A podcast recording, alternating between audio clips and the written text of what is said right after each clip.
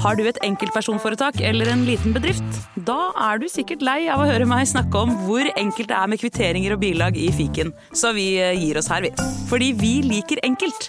Fiken superenkelt regnskap.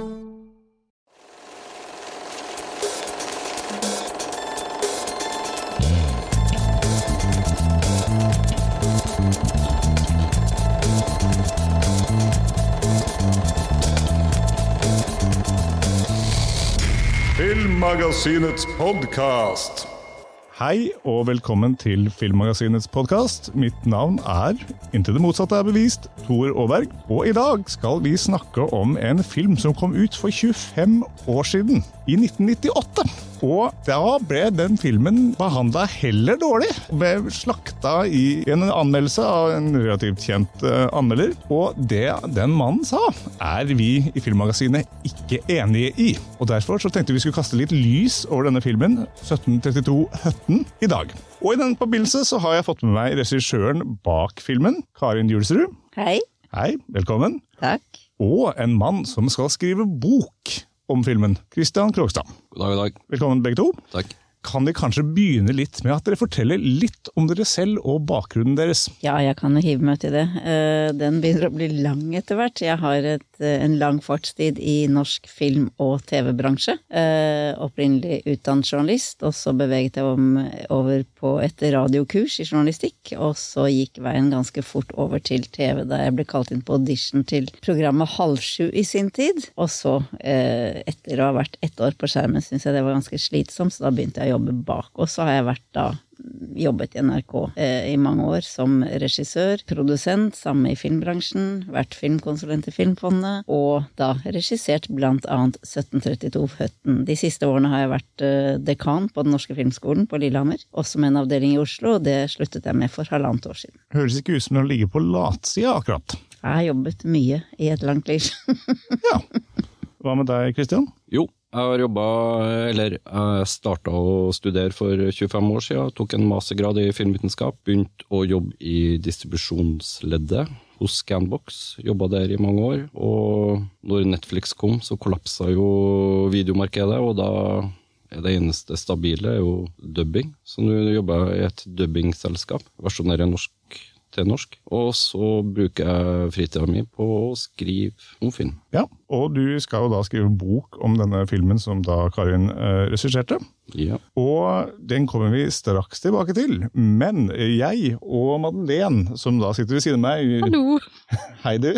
Eh, Vi så jo, eller Madeleine så 13, eh, jeg mener 1732 Høtten på Ramaskrik-festivalen. Ja, og det er faktisk den eneste filmen jeg så på Ramaskrik i år. Eh, Det er egentlig litt dårlig at det ikke blir flere, men jeg tenker at det var på en måte en opplevelse. Det var en veldig vond opplevelse. Og kinosalen var jo helt full. Jeg måtte jo hente meg en egen stol ute i kafeen, liksom, fordi folk Det var helt fullt i salen, og det skjønner jeg jo. På Ramaskrik-festivalen var jo begge dere to, vi møtte jo Karin der, og du introduserte jo flere filmer og reklamerte for boka di. Ja, jeg sitter i programrådet på Ramaskrik. Nettopp. Jeg syns det er gøy. Det har jeg, det har jeg gjort også. Det er mye Ramaskrik-entusiaster her, rett og slett, og da tydeligvis også skrekk. Eh, Og det er jo egentlig tilsynelatende alle fire her, det er et godt tegn. For Høtten er jo eh, strengt tatt en slags skrekkfilm. Ja, det er litt morsomt. Jeg syns det var eh, både veldig hyggelig selvfølgelig, og litt muntert å bli invitert til Ramaskrik-festivalen, nettopp den festivalen. For at i mitt hode så, og i mitt system så er jo ikke den filmen en klassisk skrekkfilm. Så har jeg jo forstått, når jeg har studert dette skrekkfilmsegmentet litt bedre etter den invitasjonen, så er jo det et videre begrep enn det det har vært for meg. Eh, Sånn at jeg ser nå at den, går, altså den faller godt inn under eh, Ramaskrik-festivalens eh, portefølje, da. Men, eh, men for meg så er det Jeg ville jo at vi skulle lansere den som en post-western, hvor jeg nå hadde det fra den gangen. Men det syns jeg jo var litt kulere, og det var mye vi syntes den gangen som på en måte skulle være kult, og litt annerledes og litt nytt og litt skeivt. Men eh, det er jo en ubehagelig film på alle tenkelige måter. Så, så eh, med skrekkelementer i den forstand at det er vanvittig ubehagelige situasjoner du blir møtt av da i filmen. Ja, jeg så den veldig nylig, og jeg vil jo beskrive den som både vond, sånn som du sa, Madeleine, og fryktelig, fryktelig mørk. Og det er to egenskaper jeg liker veldig godt i film.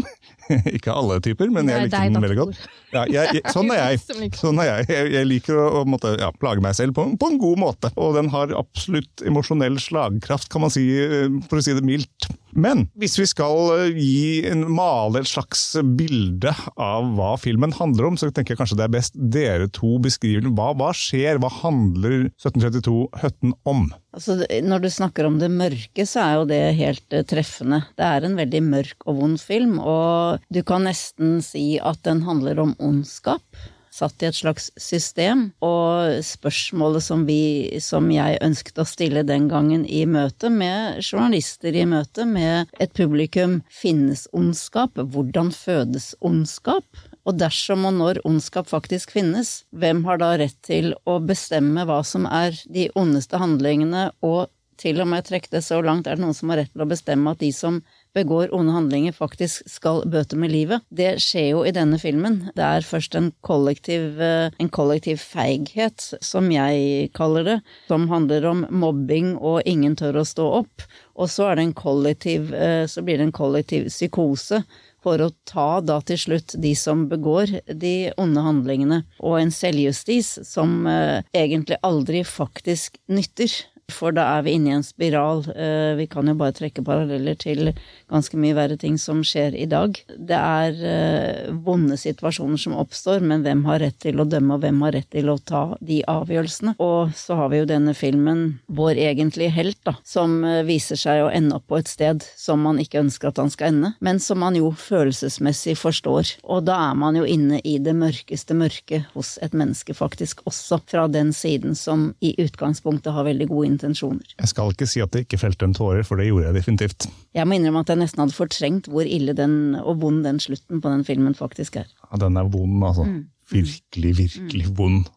Men på, måte, på et mer sånn eh, sett ovenifra-plan så handler det jo om en liten bygd i Norge. Som Ja. er den ekte bygd? Finnes Nei, og der det er jo det som er hele poenget, og det var det som gikk så utrolig galt da den filmen i sin tid ble lansert, for det ble jo en, det ble jo, eh, en diskusjon om hvorvidt jeg hadde rett til å portrettere, eller vi da, ikke jeg, men vi som skapte filmen, fra manussiden og fra min side og fra alle som var med sin side, eh, at vi lagde et veldig dårlig portrett av Bygde-Norge.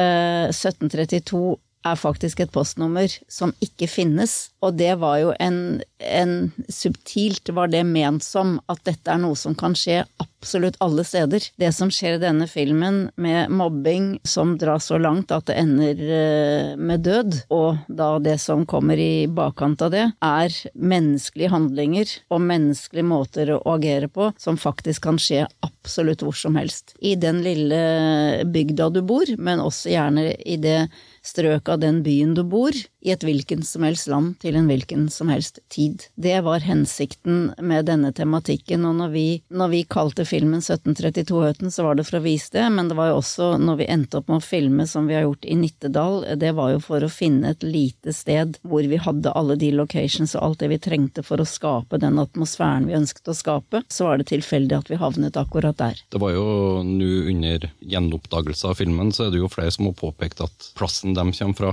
ble, fikk på en måte en, en ny eh, slags benevnelse. At det var som spilte på den hytta. At uh, de kom ikke bare fra Skjetten, men de kom fra postnummeret og der et mareritt kunne Så det er en sånn, den hadde en effekt på den tida òg. Absolutt. Og for, å gi et, liksom, for de som da ikke har hørt om filmen og ikke har sett den, ikke har noe forhold til den, så kort fortalt så er det jo noe forferdelige drap som skjer i denne, denne bygda. Og det blir sendt ut en Kripos-etterforsker som skal prøve å finne ut av det. Det er annet en uh, ung uh, jente med Downs syndrom som blir misbrukt og drept. Og plutselig så dukker det opp en bygda kanskje da mener er gjerningsmannen, uh, som finnes død. Og så blir det jo på en måte hans eh, Jobb eh, å finne ut av det. Så på en måte, det er jo en drapsetterforskning som er på en måte hovedtråden til å begynne med, iallfall. Det er det absolutt, og det er jo, jeg er jo veldig altså jeg har studert jus i sin tid. eh, Jeg er veldig opptatt av eh, den type historier som overbygning, da. Altså hvordan finner man ut hva som har skjedd? Det kommer en som skal prøve å finne ut noe. Hvilke tråder er det han må nøste opp for å komme til bunns i dette dramaet, eller denne drapssaken, som du har helt rett i at dette da er,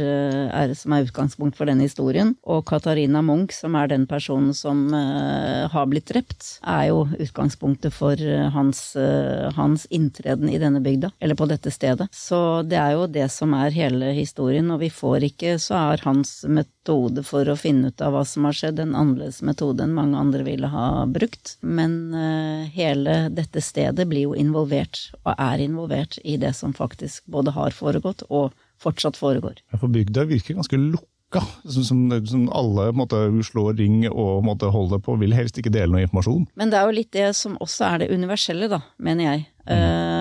Er du på en skole, et lite samfunn, et lite sted, et hjørne av en, en, by, så er det Folk er redde. Folk er ofte redde for å gå ut og mene noe som er kontrært til det som er den allmenne oppfatningen, eh, og man følger etter hverandre, man gjør de samme handlingene, man tør ikke å stå opp imot. Her er det jo en familie som blir mobbet eh, som et resultat av dette mordet på, på denne unge jenta, men det er ingen som våger. Det er guttene i klassen til den yngste sønnen i familien som de mobber alle sammen, ingen tør å si noe annet. Eh, det er jo det som skjer akkurat eh, i sånne prosesser, som da ofte nettopp blir lukket fordi at eh, man er for feig. Derfor kaller jeg det en kollektiv feighet, og en kollektiv psykose ender jo dette nærmest med å bli. Og de sier jo faktisk eksplisitt i filmen, en karakter sier 'her vet alle alt'. Mm. Og sånn er det jo kanskje litt i litt små bygder rundt omkring i Norge. Det er sånn på bygda. Ja, og la oss, ba, la oss, da ikke kalle det bare bygder. Sånn er det i veldig mange mm. samfunn. Det kan være i et skolemiljø, en klasse, hvor du har eh, noen sterke og noen svake, og så er det noen som dominerer, og noen som bestemmer hvilket narrativ som eksisterer innenfor det lille, lukkede miljøet, som vi alle helt sikkert har vært borti og kjenner til på vår eh, ferd gjennom livet. Og det er jo veldig aktuelt en dag i dag, ikke minst. Kanskje enda mer, eh, kan man nesten si. Det var jo bygd versus by som på en måte utløste den store kontroversen rundt filmen. Så den eh, tematikken har jo tydeligvis påvirka veldig sterkt. Hvis jeg skulle lagt filmen om en dag, så ville jeg definitivt da ikke tegnet det som et bygdesamfunn, nettopp for å øh, fortelle at dette her er noe som øh, skjer absolutt overalt. Det var øh, bra du sa det, fordi litt senere hadde jeg tenkt å komme med spørsmålet hva ville du gjort annerledes i dag, men da kan du på en måte ha noen andre ting du har tenkt på? Nei, men jeg tror akkurat det. Jeg var ikke forberedt på at den kom, og den kom jo bare her hjemme. Akkurat den, den egentlig opplever jeg den snevre, snevre opplevelsen av hva dette var, for da kunne du jo bare fraskrevet alt ansvar hvis du var bodde alle andre steder i en liten, litt lukket, sær bygd. Ja. Eh, så jeg tror nok jeg ville ha skapt eh, den historien på et sted som helt åpenbart kunne vært en del av en storby. Ja. Jeg tok og gjorde et uh, søk i Nasjonen, og der ble 1732 Høtten brukt som et eksempel i mange artikler over et tiår etterpå, for å illustrere problemene, eller utfordringene mellom by og bygd. Så den på en måte, den, den ble et, et sånn nøkkelord. Kristian, ja. du skal skrive en bok om denne filmen. I samarbeid med Christer Falk og Platekompaniets nye konsept, hvor de skal redde den norske filmarven. Altså norske filmklassikere, som det heter. Hvordan eh, kom det på beina? Det var Christer Falk som tok kontakt og lurte på om jeg hadde en, eh, en film som jeg ønska å skrive om. Da var egentlig valget veldig enkelt. Det var én film som jeg, har, eh, som jeg synes har en interessant historie bak seg, og det er 1732 Jeg fikk alle sett den på kino sjøl. Jeg var i militæret i gardeleiren, sto vakt på Skaugum i romjula i 98 og begynte å studere eh, høsten etterpå. Men jeg kjøpte en DVD-spiller, og noen år etterpå så kom, eh, kom, filmen ut på DVD i Hongkong. Jeg kjøpte den derifra, sammen med Cellofan og Viken. Og husker at det var en annerledes type norsk film. Og det var jo samtidig mens jeg studerte filmhistorie og filmteori, så det var, det var, mye som skilte seg ut. Og siden så har tittelen vært en sånn bestandig hatt tittelen i hodet, og den har bestandig vært en sånn veldig spesiell tittel som jeg, som jeg syns er veldig interessant. Og når det tilbudet fra Christer Falk kom, så var det, da var det veldig klart og tydelig at den måtte få en, eh, en skikkelig gjennomgang og en slags oppreisning. Da. Så bra. Det er jo litt det vi også ønsker å bidra til her i dag. Du, du nevnte historien til filmen. Dere, kan dere fortelle litt om eh, både historien bak filmen og eventuelt eh, inspirasjonen til de som skrev manus? Det manus er skrevet av Kjetil Indregard, som den gang var ganske ung, og jeg fikk det i hendene fra Tom Remlov, som var sjef for norsk film den gangen, og syntes at det var et helt glitrende skrevet manus. Jeg kjente ikke Kjetil i det hele tatt, men vi møttes ganske fort og fant uh, veldig fort tonen. Han var en drøm å jobbe med, og jeg tror ikke nå er det mulig jeg har fortrengt det, men det var ikke mange endringer vi gjorde i det manus ut fra det han faktisk hadde skrevet, og jeg er ganske kritisk og pirkete, men uh, jeg opplevde at det han uh, hadde mellom hendene var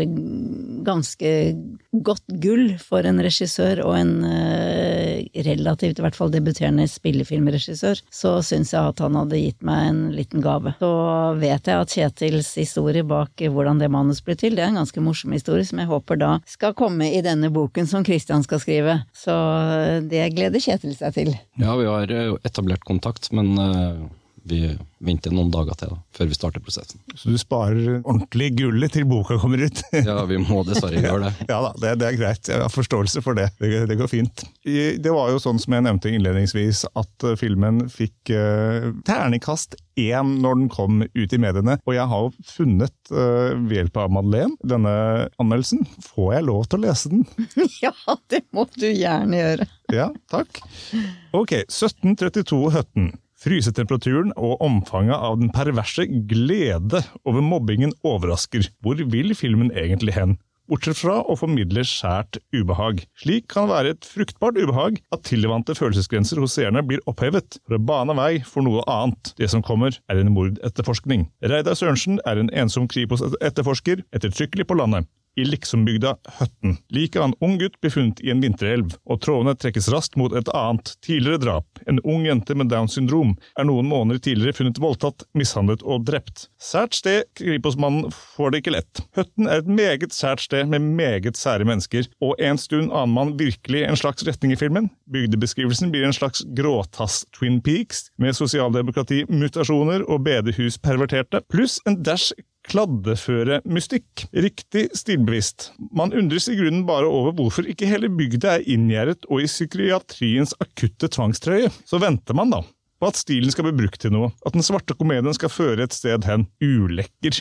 Men det er da det går galt for alvor, for, viser det seg, Filmen har overhodet ingenting på hjertet. Historien blir mer og mer hensiktsløst iskald. Til slutt får man en ulekker voldtekt av den funksjonshemmede på flimrende videobilder, og det elleve år gamle mobbeofferet blir drapsmann. Da når kynismen et lavmål. Dumt i 1732-høtten brukes virkemidlene så hjerteløst ufølsomt og så hensiktsløst dumt at summen av alle dårlige fortsetter til slutt og blir et spekulativt, hensiktsløst og iskaldt bomskudd. Det rene ubehag er alt som gjenstår. Jon Selås. Ja. Ja, jeg vet sannelig ikke om jeg har lest hele anmeldelsen fra A til Å noen gang før jeg hørte den akkurat nå. det er en salve. Jeg, den kom jo da Det var på julaften. Den uh, mener jeg at den anmeldelsen kom. Det var en herlig julepresang. Så jeg satt, jeg kjørte med sønnen min uh, til kiosken for å kjø, kjøpe avis, eller Dagbladet VG åpnet denne først, og der sto den eneren, og da leste jeg første linje, og så kastet jeg avisen bak i bilen og sa den skal vi bare finne første søppelkasse, og jeg leste den ikke, da. Jeg leste ikke hele anmeldelsen. Og så sier sønnen min at må, du må ikke kaste den, men den kommer til å bli morsom senere. Og det er den jo, men, men når vi altså helt på litt mer seriøst, så er det klart at uh, han tar jo både feil, og han altså Vi ser jo aldri uh, Det er jo noe av poenget i filmen. Jeg liker å gå inn i menneskers mørke hode hoder, og nettopp den voldtektsscenen, når eh, vår etterforsker, som eh, spilles av Reidar Sørensen, finner den videoen hvor eh, det, altså denne bestialske handlingen faktisk finner sted, så er det ikke handlingen vi ser, vi ser hans ansikt. Kamera hviler på hans ansikt, som ser det vi skjønner at han ser, og vi hører, vi hører noe, men det er primært ansiktet hans og det som skjer med han, som er i hvert fall mitt fokus i den scenen. Og det gjelder egentlig ganske mye av den filmen, når han blir eh, slått ned av en gjeng fra dette stedet på en eh, jernbaneovergang, så ligger kameraet også nede på bakken og ser opp på dette jernbaneovergangsstedet. Vi ser ikke hva som foregår, vi skjønner at han blir slått ned.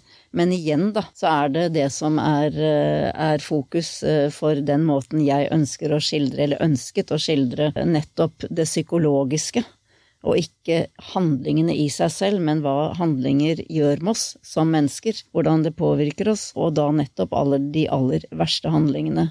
Og sluttscenen, som er den lille gutten som han sier blir en morder, det vet vi ikke. Vi ser ikke han som blir skutt, og han som eventuelt blir skutt. Så hva, hvor den kula han uh, setter i sluttscenen faktisk havner, vet vi ingenting om. Og det er også helt bevisst eh, gjort på den måten. Så kan man jo selvfølgelig tenke sitt, men det er jo ikke det eh, at det jo ikke det at han eventuelt dreper noen, men det er det at denne lille gutten på elleve år går så langt som til at han tar pistolen fra denne politietterforskeren som han har blitt venn med, som ikke ser at pistolen hans blir tatt, og løper inn på skolen og peker den mot uh, han som har mobbet han mest. Det er det at han faktisk gjør det, som er det viktige, og der er det også hans ansikt vi fokuserer på. Hans dypeste fortvilelse. Og ting har gått så langt at han, altså at han begår den handlingen uten at vi vet resultatet av den. Men det er jo eh, det som jeg syns er Så ja, jeg skal ikke Det er mye å si rundt dette her, men det er klart at så Oppsummert så, så, ser jo ikke Jon Selås uh, noe av dette. I hans uh, verden så er dette bare det han skriver. Uh, han ser ikke noe av det bevisste bak, bak måten denne historien faktisk er fortalt på. Nei, og hvilken innvirkning fikk det på en måte hvordan filmen ble mottatt? Nei, altså Hvis du leser den, du har ikke veldig lyst til å gå og se en iskald film om elleveåringer som dreper, og, altså, og brutale voldtekter av unge jenter. Har du et enkeltpersonforetak eller en liten bedrift? Da er du sikkert lei av å høre meg snakke om hvor enkelt det er å levere skattemeldingen med fiken, så vi eh, gir oss her. Fordi vi liker enkelt. Fiken superenkelt regnskap. 20 nye sparetips hos Kiwi. Mitt aller beste sparetips er First Price familiepizza. Garantert billigst i Kiwi.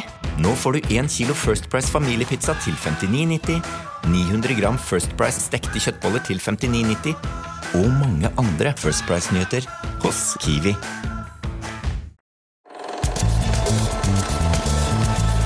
Du har ikke lyst til å se en iskald film. Jeg vil påstå at jeg er den siste som har et eh, iskaldt hjerte. Det er ikke en iskald film, det er en film eh, om hvor ille det kan gå når vi mennesker ikke er mot hverandre som vi burde være, og hvor ille det kan gå når noen eh, har forutsetninger i livet sitt som er så mye dårligere enn veldig mange andres. Det er det denne filmen faktisk handler om. Et uh, interessant uh, tankekonsept er jo hvis filmen hadde blitt lansert i påska istedenfor i andre juledag. Ville den da blitt tatt imot på en annen måte, hvor kanskje anmelderne har vært i en slags påskekrimmodus? Interessant, ja. At rett og slett timingen kunne hatt eh, innvirkning?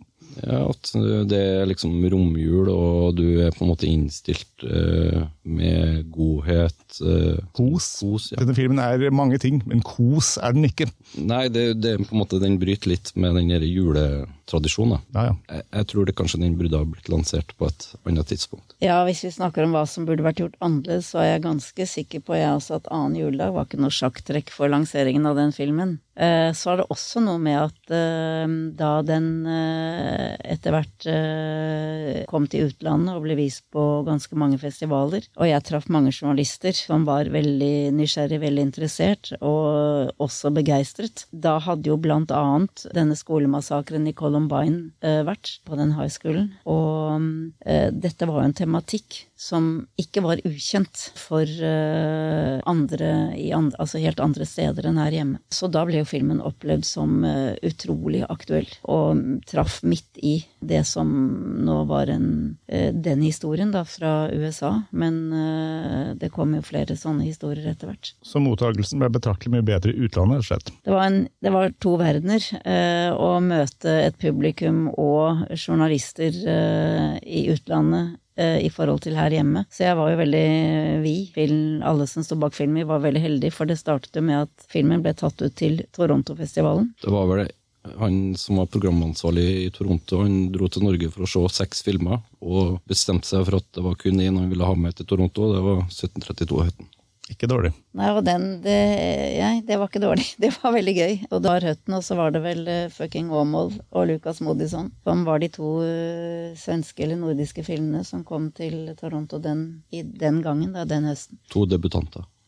Men var det bare én uh, stor anmelder som måtte definerte alt? da? Var det ingen andre anmeldelser i Norge? Jeg husker jeg veldig lite av, faktisk. Men det er klart Jon Selås hadde en uh, Han var en uh, hadde en tung labb. Og apropos sånn som jeg faktisk har ment i mange sammenhenger, apropos feighet og det å tørre å si noe litt annet enn det han som snakket, eller hun som snakket før deg, sa, det har jeg opplevd ved mange anledninger. Jeg syns at det anmelderkorpset, i hvert fall den gangen var veldig, de var veldig, det var veldig homogent. Var veldig, eh, hvis noen hadde sagt noe veldig sterkt, så var det vanskelig å komme etter og si noe litt annerledes. Eller noe litt annet. Det er i hvert fall en opplevelse jeg har hatt mange ganger. Men, men eh, jeg har jo snakket en del med Jon Selås senere, og vi ble jo enige om på et eller annet tidspunkt at vi skulle sitte sammen og se den filmen igjen, og han skulle gi den en ny anmeldelse. Eller ikke nødvendigvis en bedre anmeldelse, men i hvert fall en annen anmeldelse. Så det har vi jo egentlig snakket om, så han burde jo vært med til, eh, til Oppdal på Ramaskrik-festivalen, så det var litt dumt at ikke vi eh, fikk med han dit. Noe av? Nei, det blir aldri noe av. Okay. Det er bare noe vi har eh, smilt og ledd av. Jeg var sinna på han i mange år, men så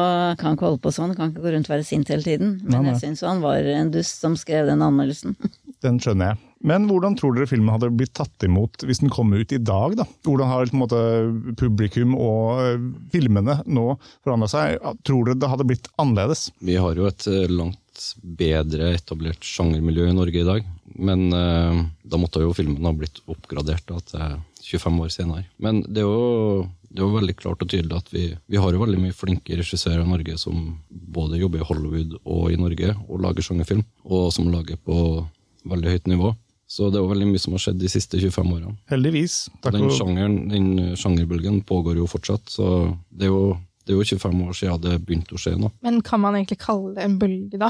Hvis det fortsatt er noe som ikke ser ut til å gi seg med det første? Det ble Jeg bare tenker det, fordi jeg, hadde- jeg snakka med Christer Bakke Andresen om det her, og han ble sånn ok, det er ikke noe bølge lenger. Det bare er sjangerfilm har kommet for å bli, liksom. Takk og pris. Rett og slett. Og det Tenker jeg burde vi egentlig være veldig glad for. Nei, det var jo det at eh, Det var jo veldig mye som skjedde rundt uh, millenniumsskiftet, og akkurat da så Du har jo Insomnia til Erik Skjoldberg, du har uh, Salig er de som tørster, og du har Villmark i 2003. Så det er liksom veldig mye skjer innenfor et sånn femårsrom. Da. Og da, da vi ser fortsatt at eh, når Villmark klarte å, å bli sett av 150 000 på kino, så gir det på en måte en uh, inspirasjon da, til at flere kanskje også skal leke med den type film. Absolutt. Mens 1732 uten da ble det jo sett av en, en prosent. Ja, det var noen få tusen. Men jeg tror en, ja, unnskyld, eh, en annen ting som jeg har tenkt på i ettertid, det var jo noe med at, som jo også gjorde, tror jeg, påvirket Jon Selås i hans anmeldelse av filmen. Det tror jeg rett og slett var at jeg var kvinne. Jeg tror det var litt sjokkerende at uh, en som meg hadde laget en sånn type film. Jeg er ikke sikker på om han ville brukt eh, begrepene iskaldt eller noen av de begrepene han brukte i den anmeldelsen hvis det hadde vært uh, mer, altså mer, det hadde vært mer forventet da, av at en mann den gangen hadde regissert en sånn type film. Det er jo manus skrevet av en mann, men, uh, men jeg tror det var Jeg tror det gjorde det vanskeligere for eksempel han å svelge den filmen. Det er jo bare spekulasjon fra min side, men jeg har eh, tenkt på det nå, egentlig nylig, etter at, eh, etter at jeg ble invitert på Ramaskrik. Jeg håper vi har kommet lenger nå, og det er iallfall de fleste har det, så det er, det er bra. Og Det tror jeg òg vi har. ja, heldigvis, vi er alle i utvikling, eh, og det er bra. Og jeg tenker også hvorfor, og da snakker jeg til deg, Madeleine, blant andre.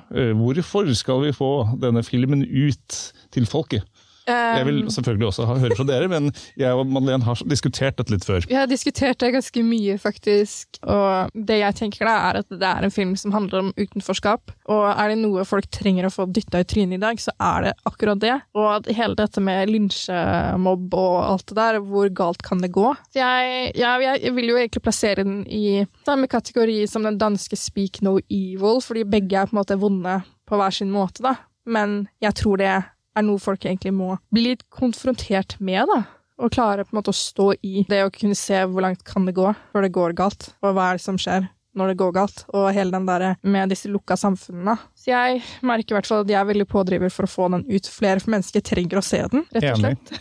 Og du studerer jo barnevern. Og det gjør og- den enda verre. Og jeg har mange år med å være lærer på en ungdomsskole bak meg, så jeg syns definitivt kidsa, og ikke minst eh, voksne, har ikke vondt av å bli mer bevisst på den typen vel, kollektiv psykose og på en måte hvordan lokalsamfunn kan påvirke handlingene dine.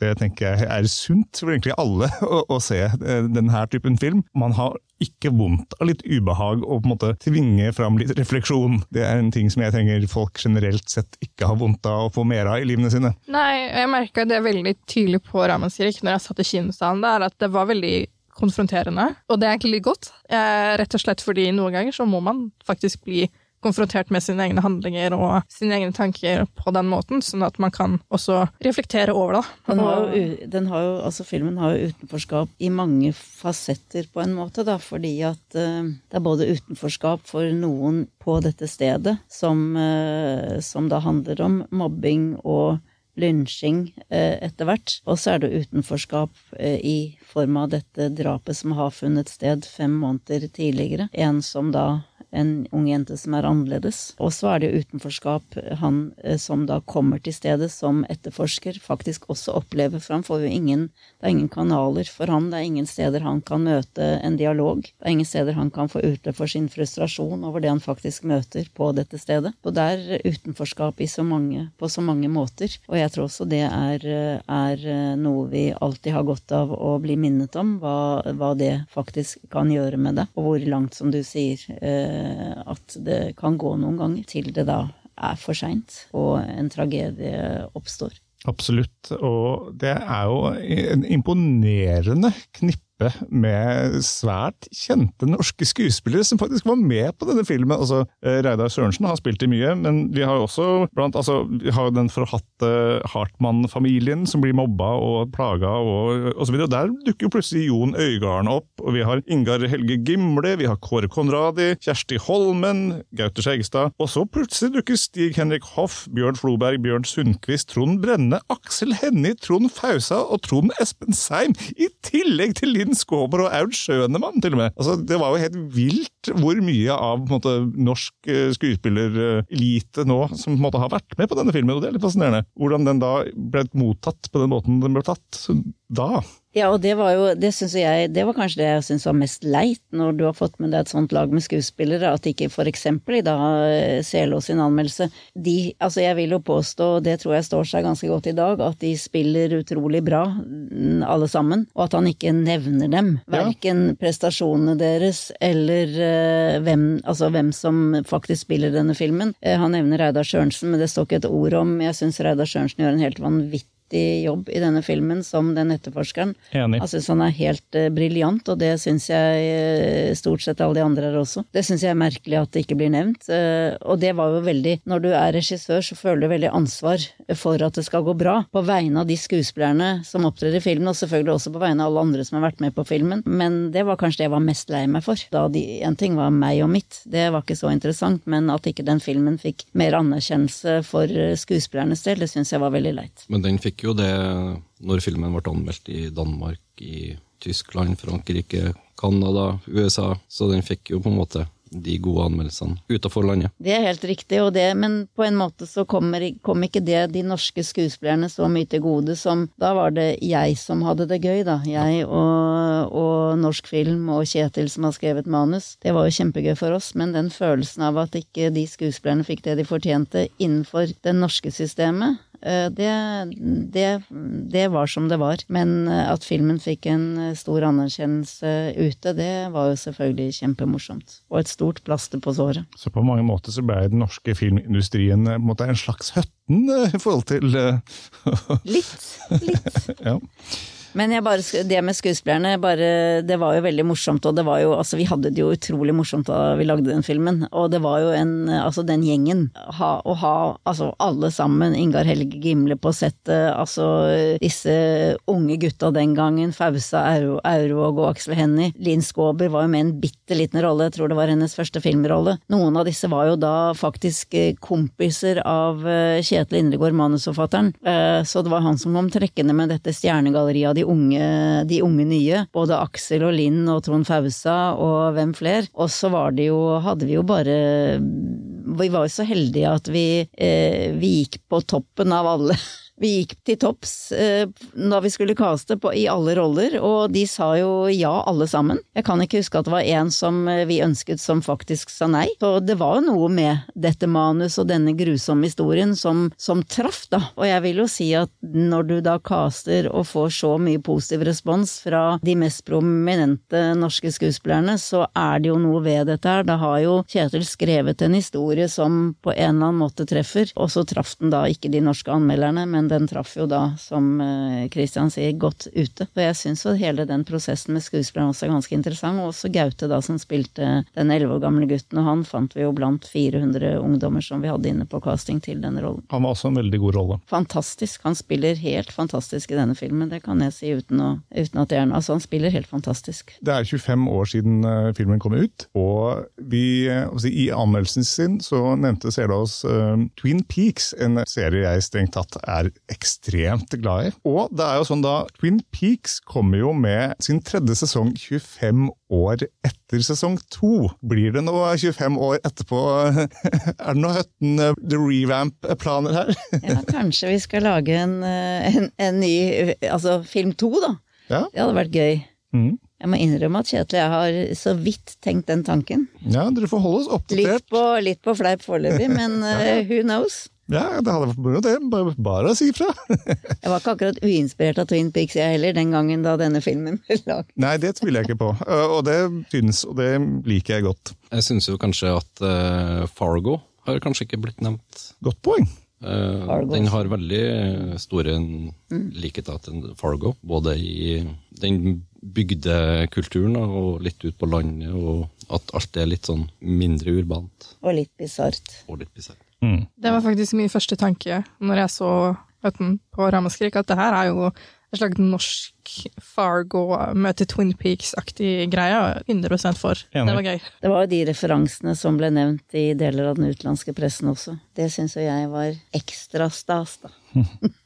Og så en ting til jeg bare skal si når vi først snakker om, eh, om filmen. Jeg har lyst til å nevne, når vi snakker også om Lynch, eh, som jo er en regissør som jeg har et sterkt forhold til, også ikke minst på grunn av måten han skaper lydbilde i filmene sine på, som jeg syns er helt uh, briljant og altså fantastisk å høre på lyden i David Lynch sine verker. Og her hadde jo jeg vært så heldig å få med meg Magne Furuholmen og Kjetil Bjerkestrand som den lydduoen som lagde musikk til denne filmen, og den er også verdt å høre i seg selv. Og så er det Philip Øgård som har satt uh, kameraet sitt i bevegelse for å skape det visuelle i filmen, og det er jo også uh, en jobb han har gjort som, uh, som jeg syns, når jeg ser filmen igjen 25 år etter, på alle måter står seg så det holder. Absolutt. Eh, veldig bra lydbilder, bra valg av musikk.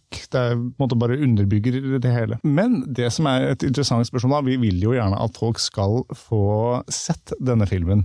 Hvor kan folk se denne filmen nå? Per i dag så er det vel bare én eh, tjeneste som har den tilgjengelig, og det er vel den Norsk Filmarkiv, hvor jeg så den eh, for et par dager siden. Men det er jo en, det eksisterer jo en eh, DCP, en kinokopi, som filmklubber eller kinoer kan eh, bestille og bruke og ha visning. Og så vil vi jo tro at Christer Falk kanskje om ei like rundt hjørnet klarer å legge ut filmen på en folkefinansieringsprosjekt. Det håper jeg virkelig dere får til. Men uh, først så må vi få boka i, i mål. da. Den boka som jeg og Karin skal skrive. Eller jeg skriver, Karin forklarer.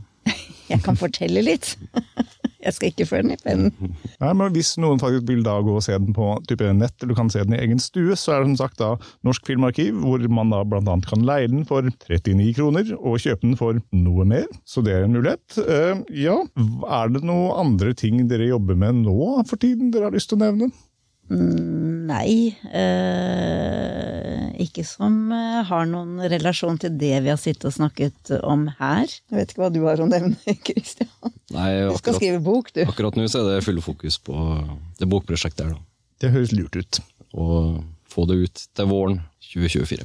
Og det er, mye, det er ganske mye morsomt å fortelle rundt eh, hele tilblivelsen av denne filmen og etterspillet, så det kan kanskje bli en bok det kan være gøy å lese. Christer Falk han har gitt noen rammer for lengde og størrelse på bok, men det tror jeg vi skal klare å overskride. Og dere får bare si fra når boka er ute, så kan vi reklamere litt, vi. Er det noe dere føler dere ikke har fått uh, uttrykt eller har på hjertet angående Høtten uh, sånn avrundingsvis? Det er jo snart jul, da. Så det er jo kanskje andre juledag. Kanskje lei filmen da. Ja, og gjøre det liksom en uh, skikkelig måte, bare, ja. Det er jo 25-årsjubileet, andre juledag. Ja. Så hvis det er noen som virkelig vil gå inn for eh, det 25-årsjubileet, så er det kanskje det riktige tidspunkt. Se Høtten, uh, 1732, Høtten andre juledag. Vi oppfordrer folket. Lag en ny tradisjon. Ny tradisjon, ny juletradisjon. Har du kost deg litt for mye i jula, så Se en vond film. Nei, men det er klart at eh, nei. eh, Jeg føler at vi har snakket om det vi skulle ha snakket om. I dag så er det jo eh, Føles det jo litt eh, vrangt, på en måte, å sitte og snakke om eh, en liten film eh, med mye ondskap og vondskap i seg. Det er vel ikke akkurat tiden man ønsker å se enda mer vondt enn det man ser alle andre steder eh, i mediene for tiden. Så det føles litt eh, rart å sitte og snakke om dette på én måte. Så jeg tenker at eh, vi trenger jo ikke enda mer, men vi trenger tematikken. Så er det jo faktisk også noe humor i denne filmen, da. masse humor. Som jeg nesten hadde glemt. Men, eh, og jeg tenkte da jeg satt og så den på Ramaskrik, at da ble det sånn at jeg var ikke med på å lage den filmen. Da satt jeg bare og tenkte som publikum at oi, nå beveger de seg helt på kanten, de, av, eh, av hva denne filmen tåler. Av humor når tematikken i utgangspunktet er så vond, og så satt jeg bare og kjente på oi, oi, der kom de seg akkurat i mål. Og gudskjelov, det gikk akkurat nå også. Bortsett fra én scene som jeg eh, ville ha gjort på en helt annen måte hvis jeg skulle gjort den i dag. Det kan jeg komme tilbake til en annen gang. Eller i boka. Og så var det jo folk eh, etter visninga på Ramskrik som kom bort til deg og fortalte at de har sett filmen for første gang og syntes det var veldig interessant, og de likte filmen veldig godt. Så det er jo, den har jo åpna seg for et nytt publikum. Jeg og Madeleine ble iallfall frelst. Altså, det opplevde jeg også da den var den blant annet, ikke, altså ikke minst på Søndagsfestivalen, da den ble vist der. Så der var det mange publikummere som kom bort, og, og jeg har opplevd det, da, eh, i visninger i utlandet, på visninger i utlandet, at, eh, at jeg har blitt stående og snakke med publikummere lenge etter visningen av filmen. Og det skjedde jo faktisk da også i Oppdal for første gang i Norge, eh, nå 25 år etter, og det var jo eh, både rørende og veldig hyggelig. Da vil jeg bare avslutte med å få si tusen takk for at dere kom hit i dag. At vi fikk prate med dere. Og jeg vil oppfordre alle mennesker og hva enn annet som hører på denne podkasten, og rett og slett gå og se 1732 Høtten, og lese boka til Christian når den kommer ut. Og hvis dere liker å høre på denne podkasten wow. Fortell om til bestemora di. ja, Og gjerne litt yngre medlemmer av familien nå. yes, Lik og del. Lik, del og se 1732 Høtten. Tusen takk. Takk for oss. Takk for at vi fikk komme. Takk like Ha det. Ha det. Følg oss på Facebook under navnet Filmmagasinet. På Instagram under navnet filmmagasinet.no. På Twitter med at filmmagasinet. Og nå, helt nytt, på TikTok med at filmmagasinet. Med oss i studio har vi Lilla Lyd, som styrer lyd og teknikk. Introvignetten er laget av Francesco Hygen Pudo. Tusen takk til Bauer Media for godt samarbeid og utlån av studio. Ansvarlig redaktør for Filmmagasinet er Eirik Bull, og mitt navn er Tor Aaberg.